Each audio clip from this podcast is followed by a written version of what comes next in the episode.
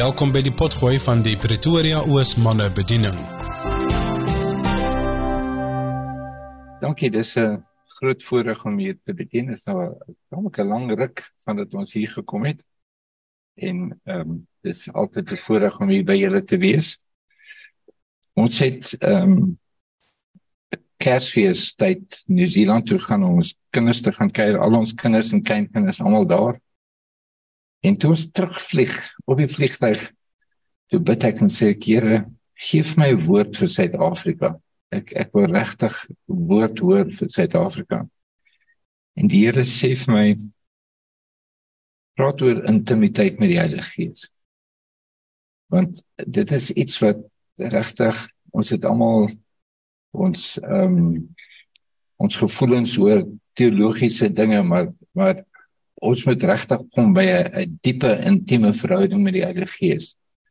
Ehm um, ons hoor maklik die stem van die vlees wat ons ehm um, bring na vleeslike dinge, maar die stem van die Heilige Gees is wat ons regtig nodig het en dis 'n stem van wysheid en insig en rigting.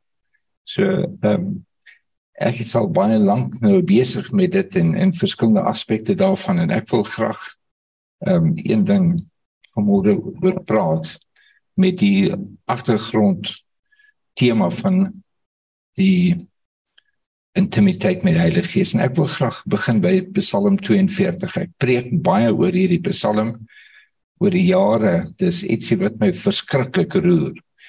Psalm 42 sê so vers 1 vir die onder vir die musiekleier en onderwysing van die kinders van Korag soos 'n hart wat smag na waterstrome so smag my siel na u o God. My siel dors na God. My siel dors nie na al die dinge wat God vir my kan gee nie. Dit dors na hom. Na die lewende God. Wanneer sal ek ingaan en voor die aangesig van God verskyn en praat hier so van my trane is my spys dag en nag dit dis 'n diep gevoel dis 'n diep uh huil van die hart. Here ek wil meer van u ek wil nader aan u kom. Ehm um, in hierdie uh die die die psalmdigter het nou miskien iewers in die bos geloop en gesien daar's 'n ou bokkie wat daar so jy kan sien hy's baie dors en hy gaan drink daai water en hy besef toe maar op dieselfde manier met ons dors hê na die lewende water. En as jy so deur die skrifte kyk, sien jy hierdie tema weer en weer, Ou en Nuwe Testament regdeur, sien jy hierdie tema. Jesus praat in in uh, Matteus 5 vers 6 en uh, 6 tot 8. Uh, hy wat honger en dors na geregtigheid sal vervul word. Was 'n honger en dors. Dit is jy honger, dis is amper al, al wat jy aan kan dink. Jy dors, jy voel verskriklik dors. Ek wil nou net water of wat ook al iets om te drink. Dis dis 'n baie sterk diep gevoel. Ek wil dit hê, ek moet dit nou hê. Uh en Jesus uh, sê ons moet honger en dors na geregtigheid.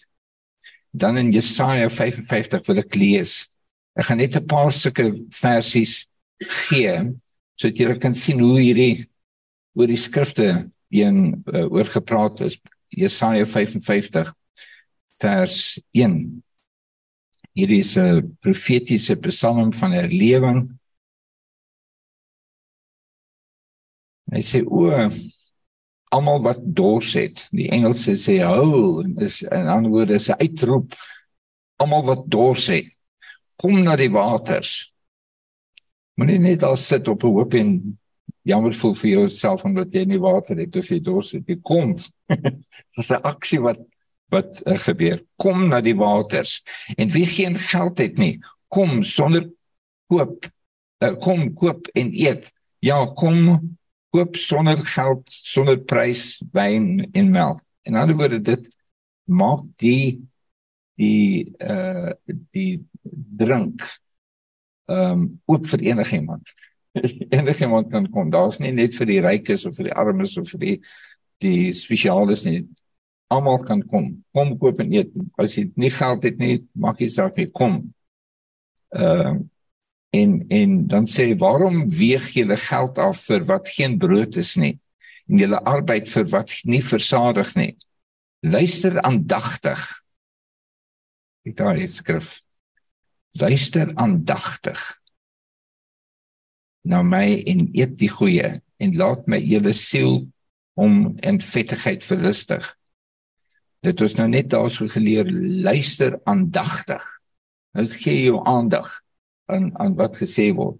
En die volgende vers sê neig julle oor en kom na my toe. Luister en julle siel sal lewe. Daai neig uh, ek kom nou op 'n stadium waar ek baie keer sukkel om te hoor en as iemand bietjie sag praat dan jy weet as as jy vorentoe gaan en jy, jy neig jou oor. Ek wil regtig hoor wat gesê word. So hy sê neig jou oor.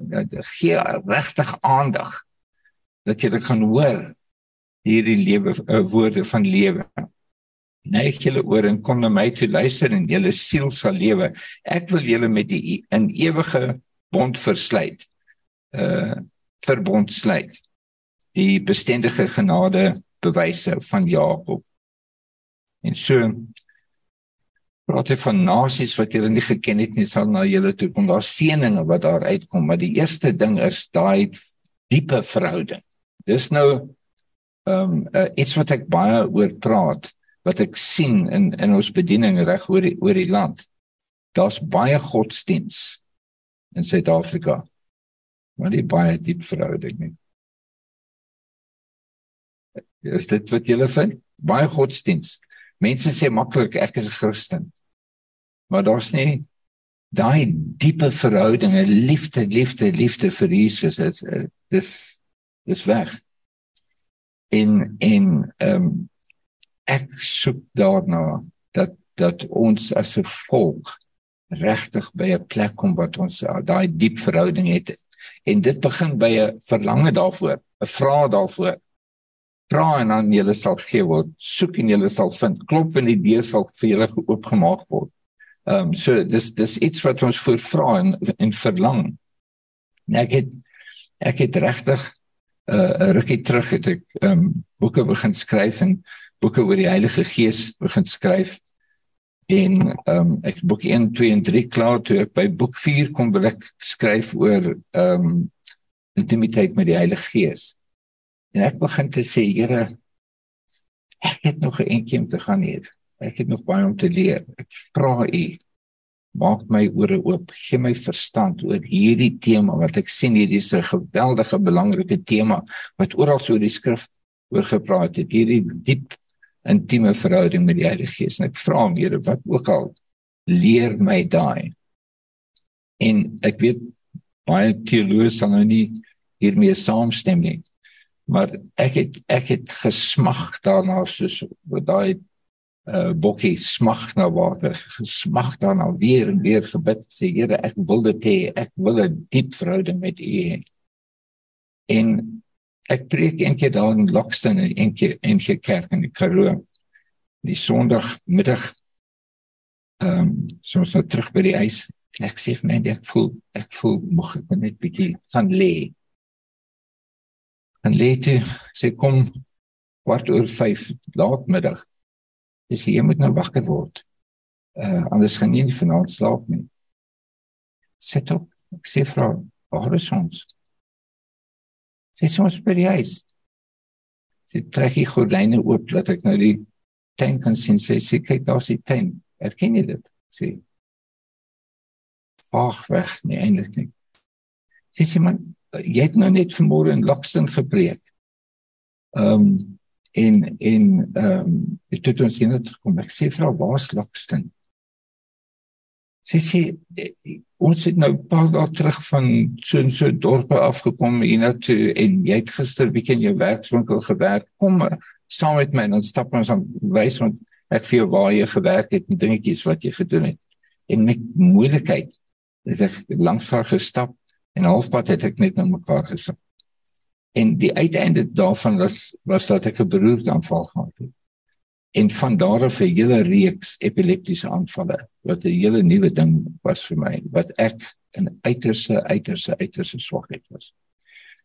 En en ons bid toe oor hierdie ding, jong, wat gaan nou aan? Ek is uiteindelik in 'n in 'n hospitaal gesit, hulle het my allerlei pille gegee. Maar uh toe sien ek op my selfoon dat ek 'n afspraak het om die volgende Sondag in Prieska te bedien. En Mandy sê jy kan nie, jy's te swak om te bedien. Ek sê nee, ek moet dit is ons roeping, ek moet die Here sal my krag gee. So nou nou gaan ek my vermoëns verby. Ek wil net te praat oor daai. Maar ons gaan toe Prieska toe en ek bedien daarso. Nou het ek my geheue geheel en al verloor. Ek kon niks onthou nie. Ek het geweet wie my vrou was.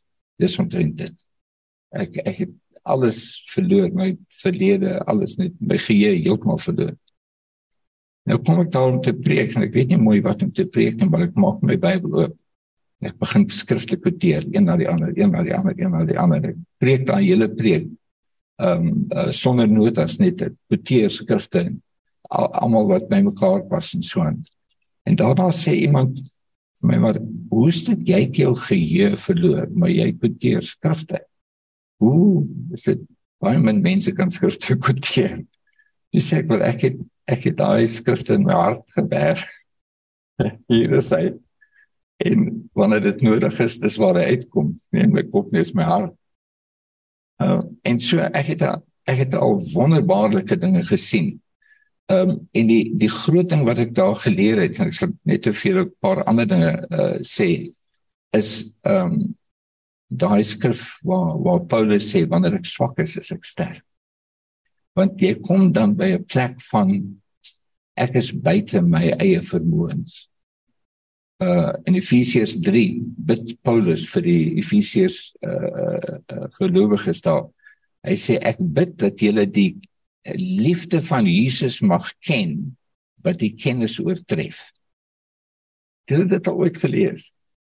Die liefde van Jesus oor uh, ken wat die kennis oortref. En dan word hierdie gaan verby jou eie vermoë uh, dis dis 'n liefde wat jy nie in 'n universiteit of theological uh, uh theologiese college kan kry nie. Daar is dinge wat ons net in die gees kan leer. Jy gaan dit nie in 'n in 'n teologiese college leer nie. En die Here wil ons bring by 'n plek waar ons in die openbaring van die Heilige Gees beweeg die hele tyd, waar hy vir ons lei. Want Jesus het gesê hy gee vir ons die Heilige Gees om ons te lei in alle waarheid en uh, wat ons moet doen en so aan en en so dit is 'n realiteit die Heilige Gees is gegee daarvoor dat hy ons kan lei maar hy kan ons nie lei as ons nie sy stem hoor nie. Verstaan? So hierdie hierdie smagting Here ek soek na u. Ek soek 'n diep verhouding dat ek u stem ken en in u weer wandel. Ek word gelei deur die Heilige Gees. Ehm uh, rukkie na daai uh, preek in in Prieska was ek gevra om in 'n baptiste kerk in ehm um, Bloemfontein te gaan preek. Ehm um, dit was 'n Pinkster, die Pinksterdienste, hulle vra my om Pinkster uh dienste te doen. En die baptiste kerke is nie eintlik geken vir Pinkster dinge nie. weet. En maar hulle vra my om die Pinksterdienste te doen. Ek, ek was baie opgewonde. Nou gaan ek. Maar ek is nog swak van daai epileptiese aanvalle wat nou weer gaan. In die oggend wat ek moes gaan die Saterdagoggend, het ek 6 grand mal aanvalle een na die ander gehad. Ek was uiters uiters swak dat ek op nie kon stap nie. Uh, ek moes aan Mandy vashou stadig beweeg. Man, Mandy sê vir my jong jy gaan moet jy gaan moet ehm um, uh, hierdie ding kanselleer. Jy jy kan hierdie ding nie doen nie. Ek sê vra nee, voel ek moet dit doen. Ons vertrou op die Here. Jy weet, dis al 'n hele paar keer daar in Zimbabwe ook ons vlug uit uh, waar ons uh, besluite moes neem waar ons vermoëns verbygaan. Wat ons absoluut op die Heilige Gees moet vertrou om ons te hou waar ons nie weet hoe dinge gaan uitwerk nie. En daai se daai se scary plek om te wees, maar is eintlik 'n kosbare plek waar jy absoluut vertrou op die op die Here het. En ons gaan toe. Uh, ons het gevra dat die die dienste bietjie uitgestel word want ek was regtig uh, ek was so dof van die pille wat hulle vir my gee het en die en die epileptiese aanvalle dat as jy van my gevra het wat is 1 + 1 kon ek nie vir jou sê 2 nie. Ek was heeltemal deurmekaar maar nou gaan ek om 'n reeks dienste te doen. Afval dit bietjie uitgestel. Toe kom ek nou op Pinksterdag die Sondag. En ek is so swak so swak so swak. Ek sit daar so. Ek kan amper nie staan nie. Uh vir die vir die uh, praise and worship die aanbidding het ek net gesit. Ek was te swak om op te staan. Toe nou uiteindelik vir my roep om om te kom bedien toe ek met 'n gesukkel by die trappies opgaan agter die kansel gestaan en ek het so die kansel vasgehou en my bene uitmekaar het om myself net op te hou dat ek nou nie omval nie en my hele ehm uh, uh, uh, wat ek gegee het vir daai diens was om staande te bly. ek was uiters swak. En ek maak my Bybel oop en ek begin te preek. En ek weet nie wat ek gaan preek nie. Ek weet nou nog nie wat ek gepreek het nie. Ek het net my Bybel oopgemaak en woorde het uit my gevloei van die Heilige Gees. Gepreek, gepreek, gepreek, gepreek, gepreek totdat ek by die einde van die preek kom en ek weet nie wat ek gesê het nie. Ek preek net vir hulle. Dit was een van die merkwaardigste ervarings wat ek gehad het. Toe ek klaar was, nou staan ek daar so en ek is so deurmekaar. Ek kan nie dink wat moet ek nou doen? Moet ek nou die pastoor vra om die diens uh te sluit of wat ook al, jy weet ek staan daar so uh, ek, ek weet nie wat om te doen nie en daar was so ongemaklike stilte oor jy weet dit groot gemeente seker 200 of meer mense.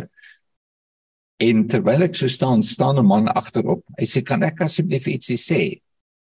Ek sê van ja uh, sê maar hy sê ek wil net vir jou sê van die oomblik wat jy begin preek het was daar so salwing op jou dat ek absoluut oortuig is ek het die Heilige Gees nodig en hy sê en 'n vrou staan op En sy sê dieselfde dinge. Ek is absoluut oortuig hier het my so aangeraak. Ek weet ek het die Heilige Gees nodig. Ek wil gevul wees met die Heilige Gees. En sy sê, en seker so 6, 7, 8 mense staan op een na die ander. En ek besef hier het 'n merkwaardige geestelike ding gebeur wat my vermoëns verby. Ek sê dit vir hulle. Okay. As jy gevul wil word met die Heilige Gees, nooi ek julle om vorentoe te kom. Nou doen ek dit in geloof, wetend ek het nie die fisiese krag om af te gaan en te bid. Dit is absoluut 'n geloofsding. Weet jy daai hele gemeente staan op en hulle storm vorentoe soos 'n klomp buffels. hulle hardloop vorentoe en ons kom maak hierdie hele plek op. En ek kyk na hierdie ek tog hoe gaan ek hierdie ding doen? En die pastoor se vrou hardloop op na my en kom staan hier so langs my. Sy sê asseblief bid vir my. Ek wil al lankal in tale praat en en ek smag daarna asseblief bid vir my. En my vrou sien ek is in die moeilikheid. Sy kom hier so kom help my. Ek kyk na die mense. Ek sê hoorie so, ek is verskriklik jammer, maar fisies is ek net nie in staat om af te kom om vir julle te bid nie. Ek gaan julle vra om vir mekaar te bid. En ons vertrou die Heilige Gees om sy werk te doen. Wonderlik. En dan sal ek draai net so vir die die pastoor se vrou bid. En ek draai toe na haar toe, ek sit my hand so op haar skouer. Ek sê Here, U sien die hart van hierdie vrou. Wil haar asseblief met die Heilige Gees. Onmiddellik is sy geval en sy begin in tale praat en te juig en jubel en so. Terwyl sy so praat, kyk ek terug na die gemeente en daar voor my sien ek 'n ding wat ek nog nooit my lewe ervaar het nie. 'n Soewereine uitstorting van die Heilige Gees oor dit dit was nie ek nie. Hulle praat in tale en sing en juig en jy mekaar druk hier sê dit was 'n soewereine ding. En terwyl ek so kyk na hulle, sê die Heilige Gees wanneer jy swak is, is jy sterk. en ek besef as ek het Pinkster teologiese ding gepreek het, het hulle dit verwerp. Maar ek het die Heilige Gees se woorde gegee en wat ek gegee het, weet ek nie. dit was absoluut bonatuurlik uit my uitgevloei en daai gemeente is handomkeer gedraai.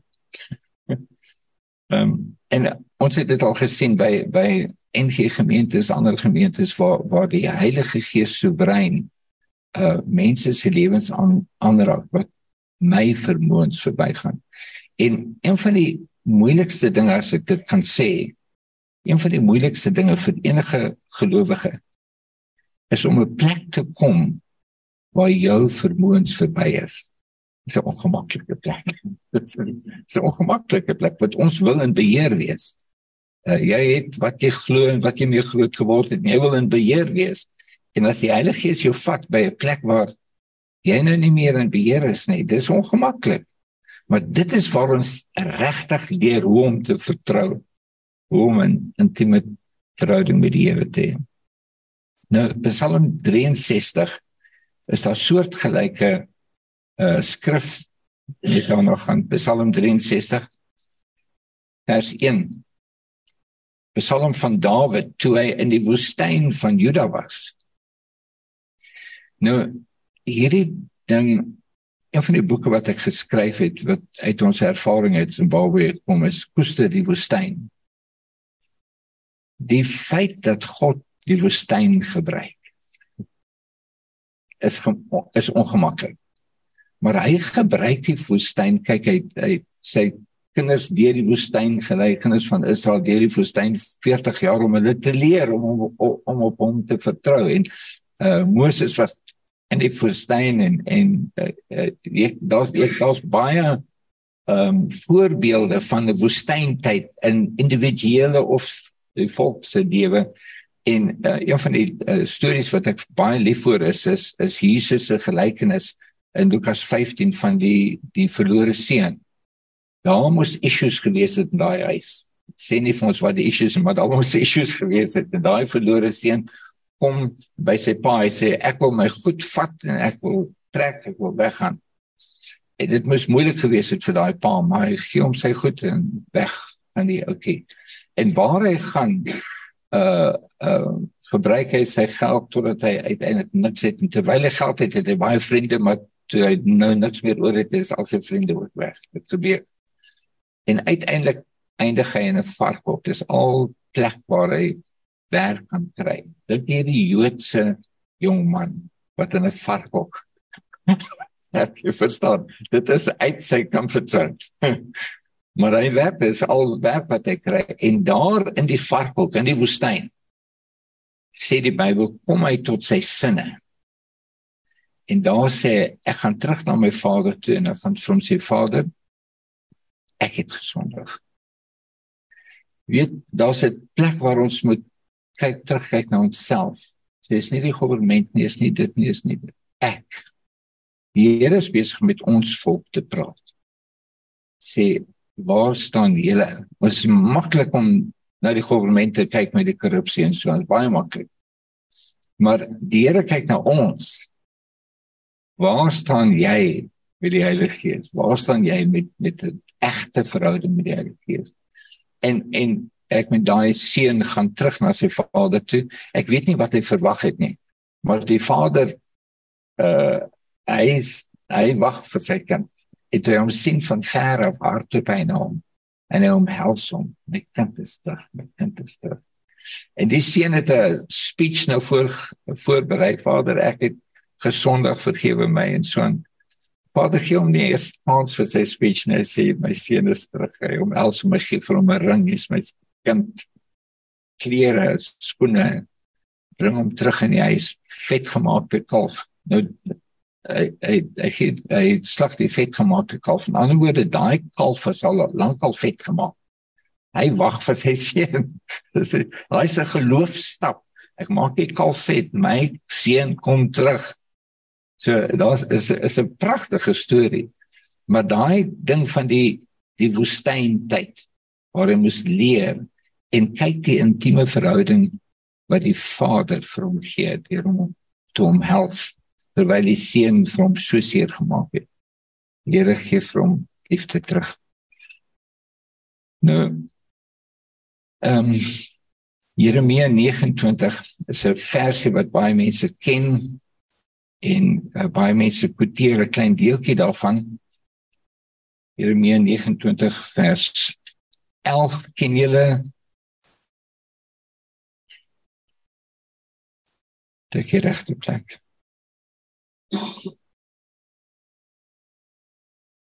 Ag ek sien Jesaja. Jeremia 29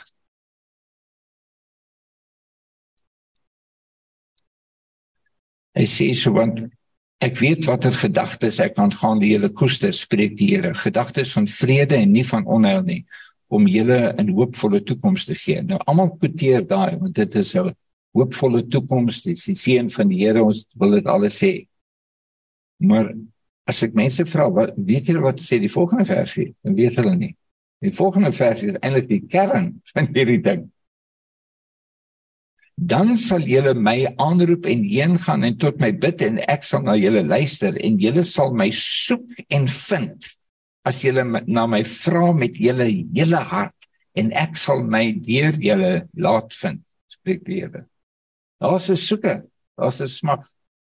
En ek kry dit weer en weer ehm um, waar ons moet soek en vra en smag uh, na hierdie dinge. Nou kom ons gaan nou ehm um, Psalm 24. En hierdie praat van die hoop wat ons het. Psalm 24. Ek seker julle ken hierdie. Ek gaan lees net van vers 3. Wie mag klim op die berg van die Here?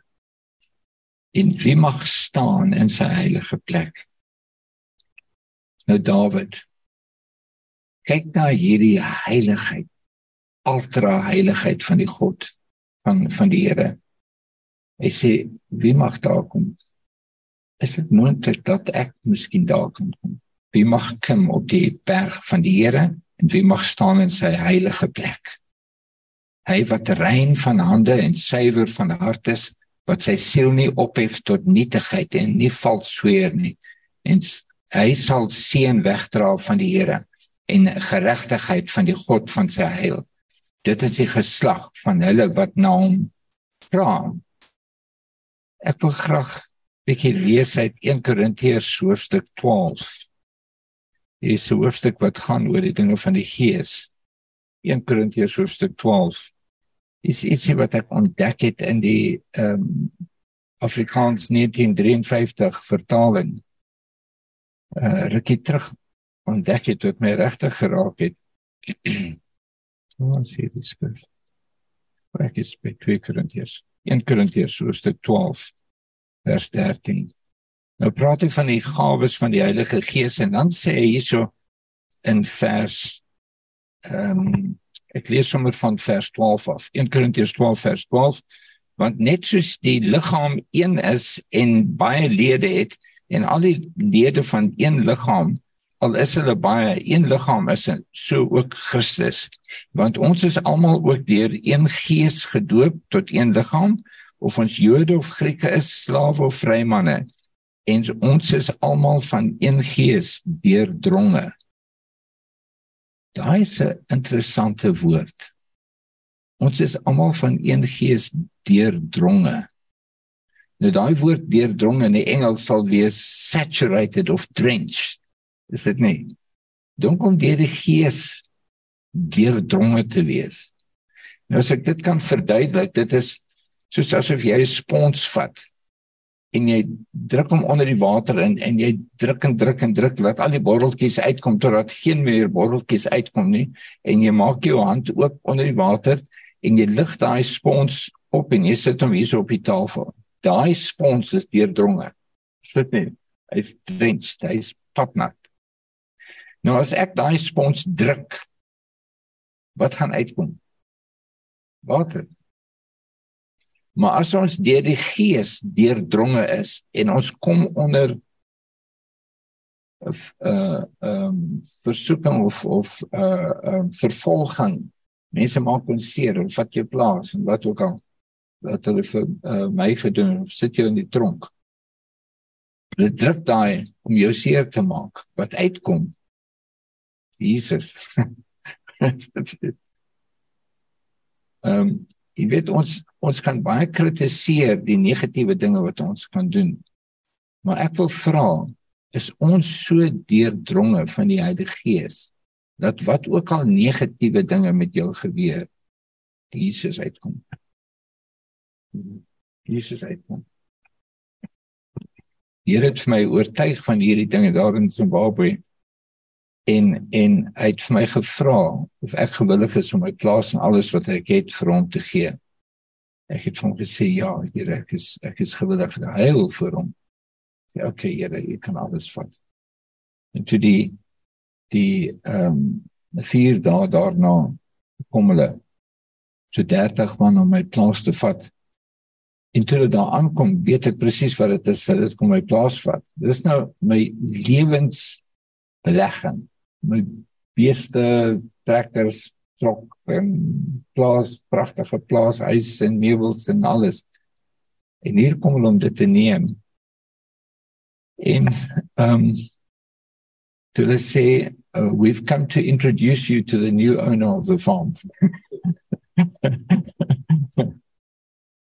Dit sê ek nou so voor hulle sit so om my En dit is net dreigemente van wat hulle aan my sal doen as ek nie saamwerk nie en hulle sal hulle boys stuur om my te kom uithaal en dat ek net met die klere op my rug uitkom en so. Daai is moeilike woorde om te hoor. En jy sit vinger alleen tussen hierdie brede mense. Jy sê ek vir hulle I bless you with this farm. I hope you enjoy the farm as much as I've enjoyed it. Jesus moet uitkom. Hulle dit nie verwag nie. Ehm um, en en uh ek het nou daai boek geskryf in hulle farm in Afrika. En die ding wat ek moes mee deel is dat ek my plaas en alles verloor het en en hierso moes kom met net 'n tassie klere elkeen en dit was dit. Daar's daar's geen geld en geen niks nie, geen verblyf nie, geen werk nie. Toe ons hier kom, uh bly ons in Pretoria dan Silver Lakes by mense en Mandy my vrou was verskriklik uh, getraumatiseer. Sy het, was so 'n ou vroutjie, sy het so oorgebuig en net so gebewe die hele tyd van die tromme. Toe die een aand ek sê na my sy sê vir my my skat wat hou toe wat hou môre vir ons? En jy weet die die skrif sê dat jy hoef nie voor die tyd te voorberei wat jy gaan sê nie want uh, in moeilike tye nie want die Heilige Gees sal jou die woorde gee op daai tyd. Het jy dit al gelees? En ek het al baie keer ervaar dat die Heilige Gees vir my woorde gee wat nie van my kom nie. En en daai was 'n oomblik wat die Heilige Gees oor my gekom het en ek vra sê my skat ons het 'n bordjie kos om vanaand te eet vir hierdie mense. Ons het 'n lekker warm bed om in te slaap. Môre boord aan die Here. Ons gaan nie besorg wees oor môre nie. Ons gaan nie op 'n hoopie sit nie, jammer voel vir onsself nie. Ons gaan vir onsself gee om getraumatiseerde boere, mense te bedien. Ons gaan nooit geld vra nie, ons gaan vir Here vertrou. En dit was dit was net 'n Heilige Gees en dit was daai deurdronge Jesus het uitgekom en vir ons rigting gegee van wat hoe ons lewe. Nou sê ons uh, ek moet nou 'n nuwe naam gee vir daai trauma plaas van ehm um, hulle het my plaas geneem en het my in tronk gesit en al daai daai goeie skeek 'n nuwe naam. Die Here het vir my 'n wonderlike deur van bediening ook gemaak in Suid-Afrika. Hulle het dit vir negatief bedoel, maar die Here het deur daai negatiewe daai deurdronge spons dat lewe uitkom wat ons vir ag ter duisende boere al oral ons Suid-Afrika selfs in Nieu-Seeland ander plekke. Uh nou die dag was ek gebel deur 'n Australiese joernalis. Sy hy wil graag 'n onderhoud hou met my. Uh maar net 'n 15 minute onderhoud. Dit gebeur dit. Ek gaan nie baie kry vir 15 minute nie. Dis ek van wil ek het 'n uh um 'n dokumentêr gemaak van ons storie ek kan dit vir jou stuur. So as jy ons storie wil hoor, daar's 'n dokumentêr, 'n YouTube dokumentêr wat die hele storie vertel. Ehm um, ek sê van ek kan dit vir jou stuur dat jy dit uh ehm um, kan speel daarna kan luister. Jy sê nee, Hulle gebruik nie dokumentêr nie. Hulle wil net eintlik onderhoud nie, net 'n 15 minute onderhoud. Sê ek net maar ek gaan vir jou 'n afval die dokumentêr stuur. Toe stuur ek dit vir hom. Toe kontak hy my die volgende dag toe sê ek het nou na die dokumentêr geluister. Die eerste daar sewe gedeeltes. Eerste een het hy geluister.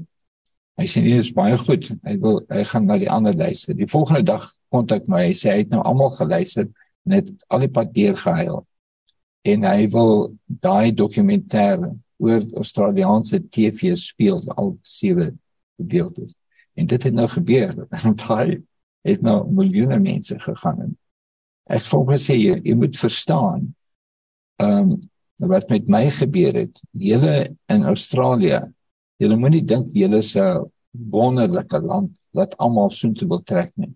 Die mense Rhodesiërs en Suid-Afrikaners en Argentiniërs en waar ook al in die land wat daar in Australië is is nie daarom dat Australië 'n wonderlike land is nie. Hulle is daar omdat hulle eie lande 'n gemors is en is gevaarlik in eie lande dis hoekom hulle daar is en almal van daai mense het trauma. Almal van daai mense het vriende en familie daar terug by hulle huis en hulle stuur geld terug vir hulle familie en hulle wil verskriklik graag teruggaan maar hulle kan nie want die die diktators wat oor hulle lande regeer dit maak dit moeilik vir hulle. En en ehm um, uh, jy weet daai mense het trauma berading nodig en ek wil vir hulle help. Ek wil vir hulle bemoedig. En dis hoekom ek hierdie dinge doen om vir hulle te help. So daai was nou ook Australiese TV gespeel en baie mense se lewens is al aangeraak daardeur. So hierdie ding van daai deurdronge uh um as ons net deurdronge kan wees met die gees so 'n nou verhouding met die Heilige Gees dat die moeilike tye wat oor ons almal kom dat ons 'n ander insig het van hierdie moeilike tye. Die Here gebruik hierdie moeilike tye om jou sterk te maak. En dat jy tot seën kan wees vir ander mense 'n heeltemal ander manier om daarna te kyk. Uh en dit is 'n voorreg uh, die die woestyntye jy kan sien waar ook al in in in die Bybel dat die Here die woestyntye gebruik om sy mense sterk te maak. Was 'n toets gewees. Nou wil ek kyk hierso na ehm um, ons het gepraat oor die die water uh soos 'n hert wat smag na lewende water nou water as jy as jy kyk na daai tema van lewende water sien jy in baie skrifte dit is baie uh obvious dat dit praat van die Heilige Gees. Jesus staan daar by die tempeltrappe Johannes hoofstuk 7 vers 7 8 39 en hy roep uit en hy sê as iemand dors is net soos hierdie as iemand dors is laat hom my toe na my toe kom en uit sy binneste sal vloei 'n uh, strome van lewende water en dan sê dit en dit het hy ges, praat van die Heilige Gees wat hulle sou ontvang. So as ons die Heilige Gees ontvang, dis 'n strome van lewende water wat ons vermoëns verbykom. Hy kom in ons om vir ons 'n krag te gee wat ons vermoëns verbygaan en ons het dit nodig. Ons kan nie die Christelike lewe in ons eie krag lewe nie. Ons het die Heilige Gees nodig. So nou sien jy hierdie is is 'n uh, 'n uh, ehm um, vergelyk aan die Heilige Gees en ek wil vir julle skrif wys hierso in Esegiel 37. Julle ken hom seker. Esegiel 8:47. Esegiel 47. Reg aan die einde van die boek van Esegiel.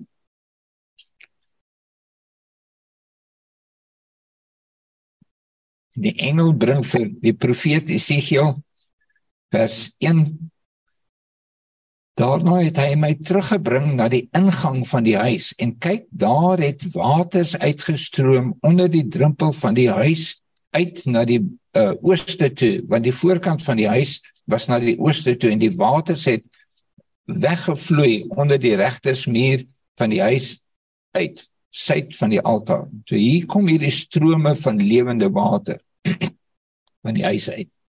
Nou in ander plekke hierso ook en in Openbaring waar dit praat van daai sê dit dat die boom van die lewe beide kante van daai stroom van lewende water uh um beplant is en daai boom dra vrugte in elke seisoen 12 soorte vrugte een vir elke maand.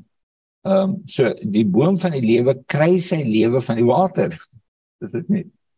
Nou lees ons van die boom van die lewe in in die uh, in die boek van Genesis. Jy lees van twee bome wat God geskaap het in die tuin van Genesis, né? Nee? Jy ken dit? Dit was die boom van die lewe en die boom van die kennis van goed en kwaad. OK. Kennis van goed en kwaad. Daai twee. En God het vir hulle verbied om van die boom van die kennis van goed en kwaad te te eet. Maar daar's geen instruksie waar hy hulle verbied om van die boom van die lewe te eet nie. Dis net toe hulle die boom van die goed en kwaad eet. Toe blok hy hulle dat hulle nie nou ook van die boom van die kennis van goed en ag van van die lewe eet nie. En ek onthou as 'n as 'n klein seentjie, het ek hierdie gelees en ek dink man as Adam net vinnig hardloop het en van daai boom geëet dat dit ons nie die probleme gehad wat ons vandag het dit 'n bietjie lewe kan kry maar toe later in my lewe toe ontdek ek maar Jesus is die bron van die lewe. Hy is die boom van die lewe. Hy hy sê ek is die weg in die lewe. Uh uh hy hy is die lewe die bron van die lewe So ons kan altyd na hom toe kom en daai lewe uh, kom deur die Heilige Gees. Hy wil ons hy vir ons met die Heilige Gees en dis waar die lewe vandaan kom. Nou lees ek hierson ehm um, vers 2 en hy het my uitgebring deur die nou noordpoort en my buitekant om laat gaan na die buitenste poort wat hy na die wat na die ooste kyk en kyk die waters het gekabbel uit die regtersmuur uit toe die man na die ooste uitgaan het hy met 'n meetsnoer in sy hand het hy 'n 1000 L gemeet. Dis 'n tamelike end 1000 L wat is 'n L so so 1000 L is miskien 500 meter is 'n entjie om 'n 1000 L in 'n diep rivier te gaan. Jy gaan nou 'n hele entjie in daai rivier dis dit nie Hy het 1000 L gegaan. Ehm um, en hy het my deur die waters laat deurgaan waters tot aan die enkels. Nou net word die profeet gaan enkel diep. En vriende baie van ons is al lank in die bediening of in die in die gees lank wat ons vir die Here dien ons ons al 1000 L al gedoen in die in die dinge van die Here. Ons sit nog enkel diep. sit nog enkel diep.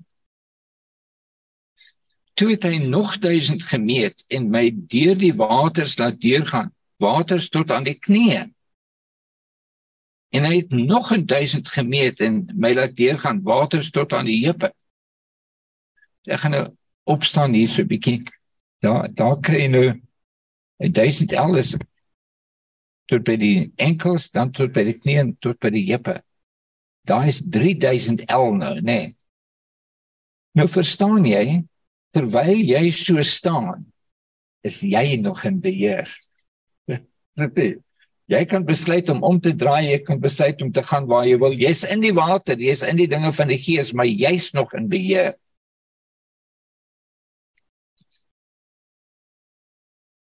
Vers 4 toe het hy nog 1000 gemeet en my deur die waters laat deurgaan waters tot o oh, sorry vers 5 verder het hy nog 1000 gemeet en stroom wat ek nie kon deurgaan nie want waters het opgereis waters om in te swem 'n stroom wat mense nie kan deurloop nie.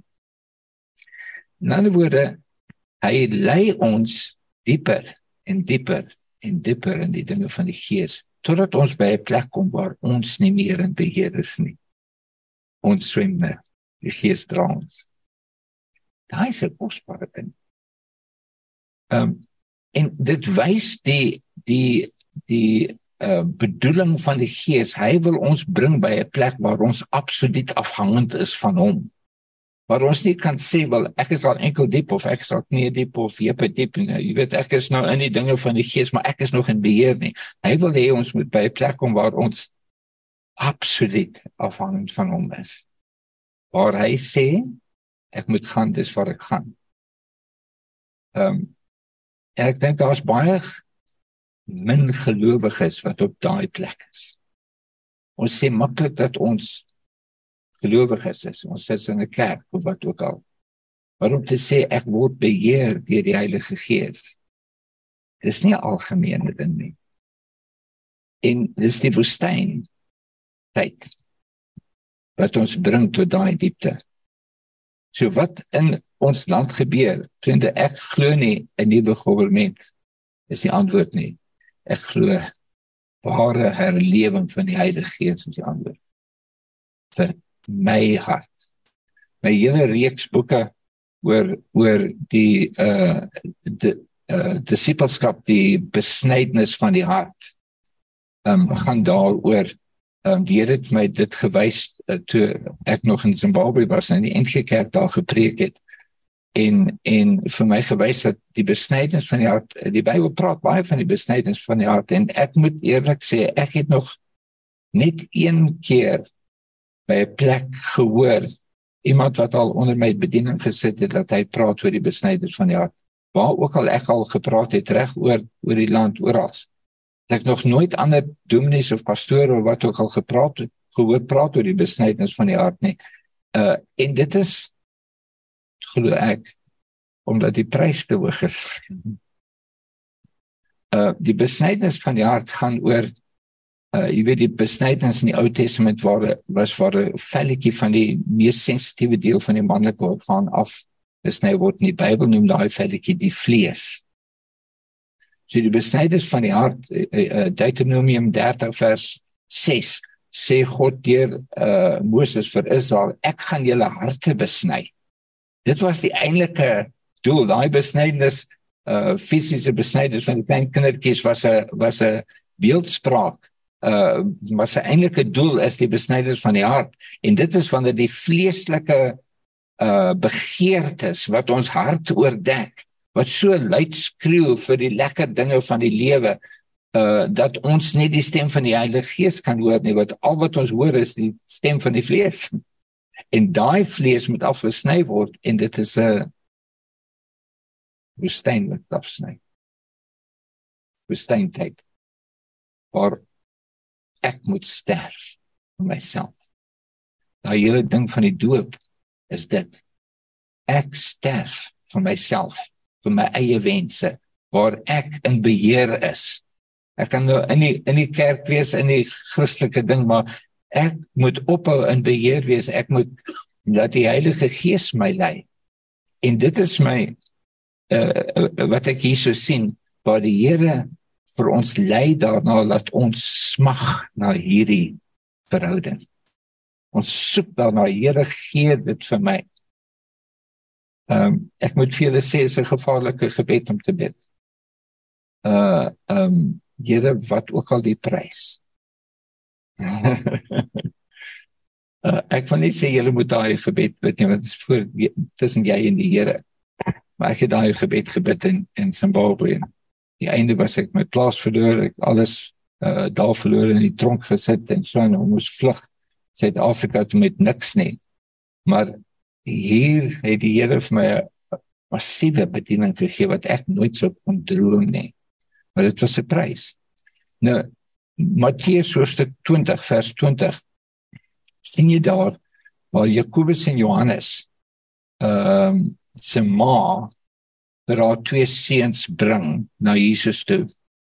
En sy sê vir Jesus: "Here, gee ons asseblief wat ook al ons vir U gaan vra." En Jesus vra: "Wat wil julle hê?" En sy tipies ma, sy sê: "Here, gee dat in U koninkryk my twee seuns, een aan die regterkant, een aan die linkerkant, uh langs U mag sit."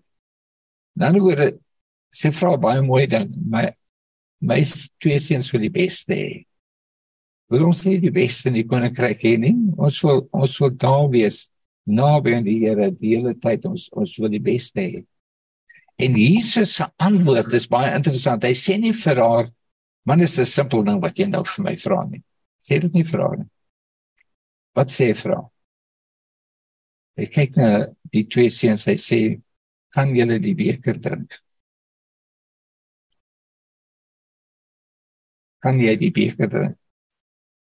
As jy die beste wil hê, as jy regtig in die gees wil beweeg, kan jy. Maar daar is 'n beker om te drink. jy moet sterf.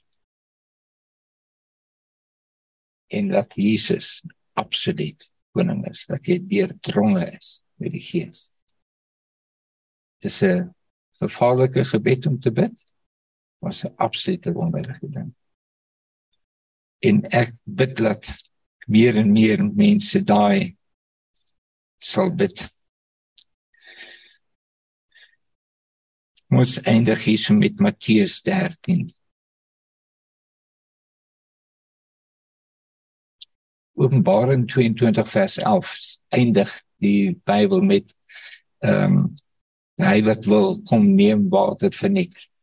Ja, ek seker julle het dit al gehoor. Maar kom ons kyk nou Matteus 13 ek wil eindig met hierdie Matteus 13 vers 44.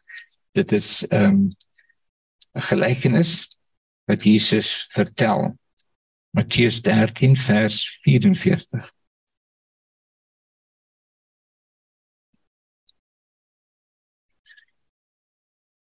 Verder is die koninkryk van die hemele soos 'n skat.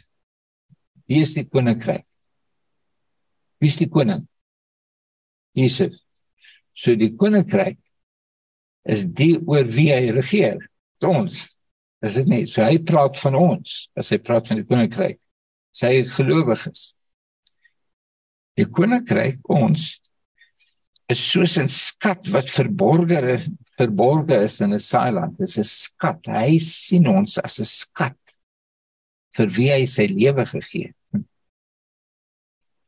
Wat 'n man kry en wegsteek en uit blydskap daaroor gaan hy en verkoop alles wat hy het en koop daai saailand. Wie's die man? Jesus. Verkoop alles wat hy het. Hy los sy troon in die hemel en hy kom as 'n mens. Hy los sy uh goddelikheid. Hy kom as 'n mens en hy koop die wêreld. God het die wêreld so lief gehad dat hy die enige gebore seun gegee het. Dit is daai skrif. Sê so, hy verkoop alles wat hy hy hy betaal die hoogste prys.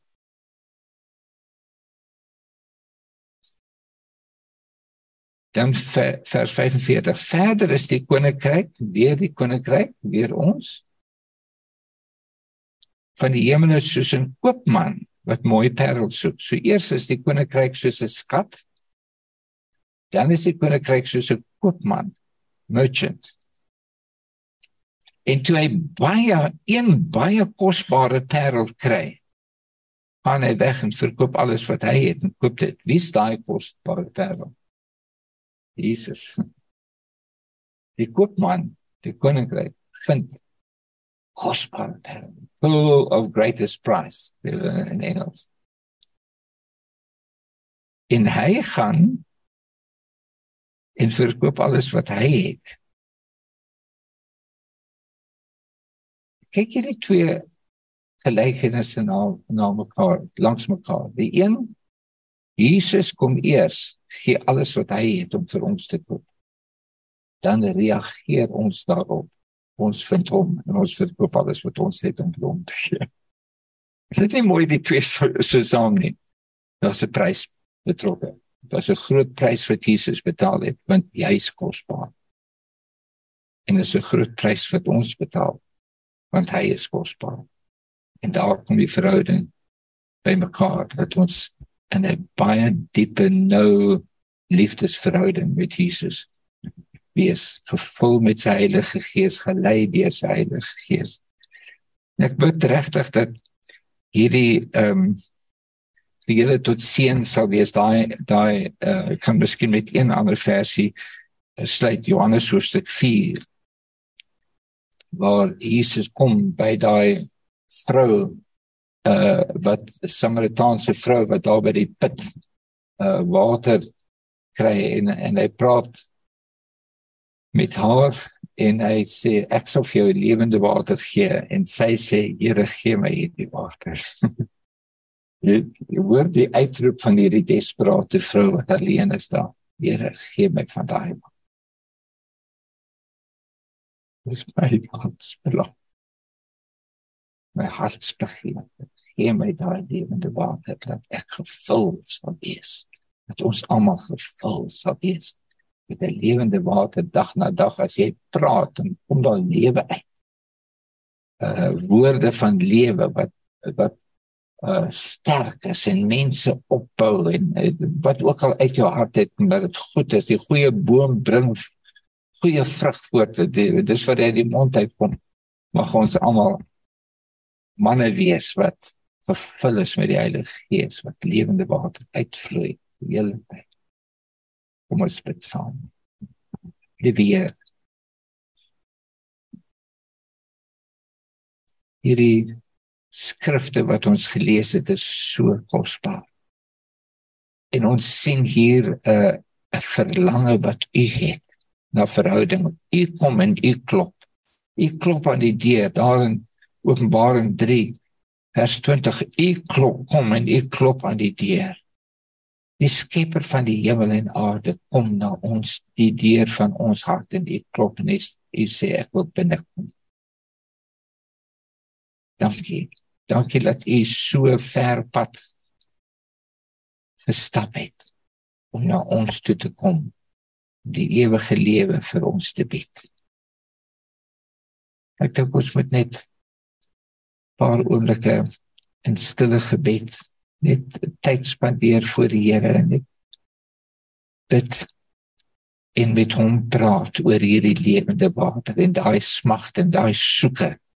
Die Here ek soek daai lewende water in my lewe. Ons spandeer net 'n paar minute. Ehm um, dat julle elkeen skielik hardop wil bid of saggies of wat ook al net 'n paar oomblikke voor die Here. Onze Vader, baie dankie dat ons vanoggend op so 'n praktiese manier kon gesien en ervaar het wat dit beteken in die woord wanneer hy sê reeds wanneer ek swak is dan is hy sterk in my. Dankie dat ons dit vanoggend kon gesien het met Henry. Here na gister se epileptiese aanval waar hy sy tong so gebyt het, Here dat die kussing vol bloed was en ons gewonder het of hy volgens die woord sal bring. Het jy vir hom die krag gegee? Dankie daarvoor Here dat soos hy gepraat het en u met die Heilige Gees prom net meer en meer toegevou het met die liefde met sy kragte ook teruggekom. Dankie Here vir elke man wat vanoggend hier gesit het in u teenwoordigheid van die Heilige Gees kon waargeneem het. Dankie dat jy 'n plan het vir elkeen van ons se lewens. Here, ek wil bid dat soos wat Henry gesê het, dat ons net hierso kom by die byeenkomste en net met ons enkels in die water sit nie. Here, maar dat ons U sal vertrou, dat ons dieper en dieper sal gaan. Dat U deur ons sal werk, Here. Waar ons beweeg, Here, by ons huise, op die markplein by ons werke. Ja, Here self op die sport uh velde waar ons is. Oral waar ons beweeg, Here. Dat U die Heilige Gees deur ons sal laat werk. Dat U ons lippe sal aanraak, Here. Dat wanneer ons spreek, dat ons 'n keuse sal maak, Here. Wil ons lewe spreek wil ons negativiteit en oor die probleme van die van die land spreek? Dankie dat ons dit kan uitroep Here vir Henry dat jy hom sal seën Here waar hy so kosbare bediening het, waar hy baie besig is, waar hy nog by verskeie plekke moet gaan bedien. Die hom sal seën, Here, met krag, met goeie gesondheid, vir hom en vir my, die Here, dat hulle in rus en vrede kan wees waar hulle gaan, Here, waar hulle tuis gaan, dat hulle ook daar goed versorg sal word en u liefde met hulle sal wees. Dankie vir elkeen wat in die bediening is, Here. Ek eer U daarvoor. Ek bid ook vir Norman, Here, waar hulle binnekort weer met Sudan toe gaan Here dan in Nubaberge toe dat jy ook vir hulle sal seën met die finansies wat nodig is, dat jy dit sal losmaak, Here. Jy vir Henry hulle sal seën met hulle finansies. Here, waar hulle al soveel honderde kilometers gery het, Here, honderdduisende kilometers gery het, Here. Dat jy hulle sal seën, dat jy hulle sal bewaar. Dankie dat ons volgende kan uitgaan, Here, en kan weet Vanoggend was spesiaal. Here nie wat ons hier was, wat ons vir u guns gedoen het of enigiets wat Henry gesê het nie, maar omdat u deur hom gepraat het. Seën vir ons Here dat ons volgende week sal bymekaar kom die manne wat nie hier is nie Here dat hulle die wat op vakansie is en wat die voorreg gehad het om ook na die blomme te gaan kyk dat hulle ook sal veilig terug wees. Seën elkeen wat in bediening is Here. Seën elke man Vader wat 'n bekommernis het oor gesondheid of finansies wat dit ook al is Here dat U dit sal losbreek dat volgens se woord ons riglyn sal wees Here. Laat ons weet ons moet op U vertrou en minder op onsself. Dankie dat ons dit kan roep Here. Ons eer U daarvoor in Jesus se wonderlike kosbare naam. Amen. Dankie dat jy saam met ons ingeskakel het. Hierdie was 'n potgooi van die Pretoria Oos manne bediening. Tot 'n volgende keer. Bly geseën